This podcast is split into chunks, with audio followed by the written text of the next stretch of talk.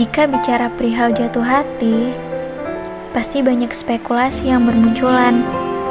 Seolah-olah kita dibawa untuk memainkan sebuah permainan perkara hati yang membuat kita bingung.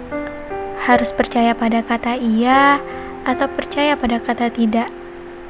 Tapi lagi-lagi ada satu hal yang kalau kita salah artikan akan membuat luka yang cukup dalam. Namanya harapan.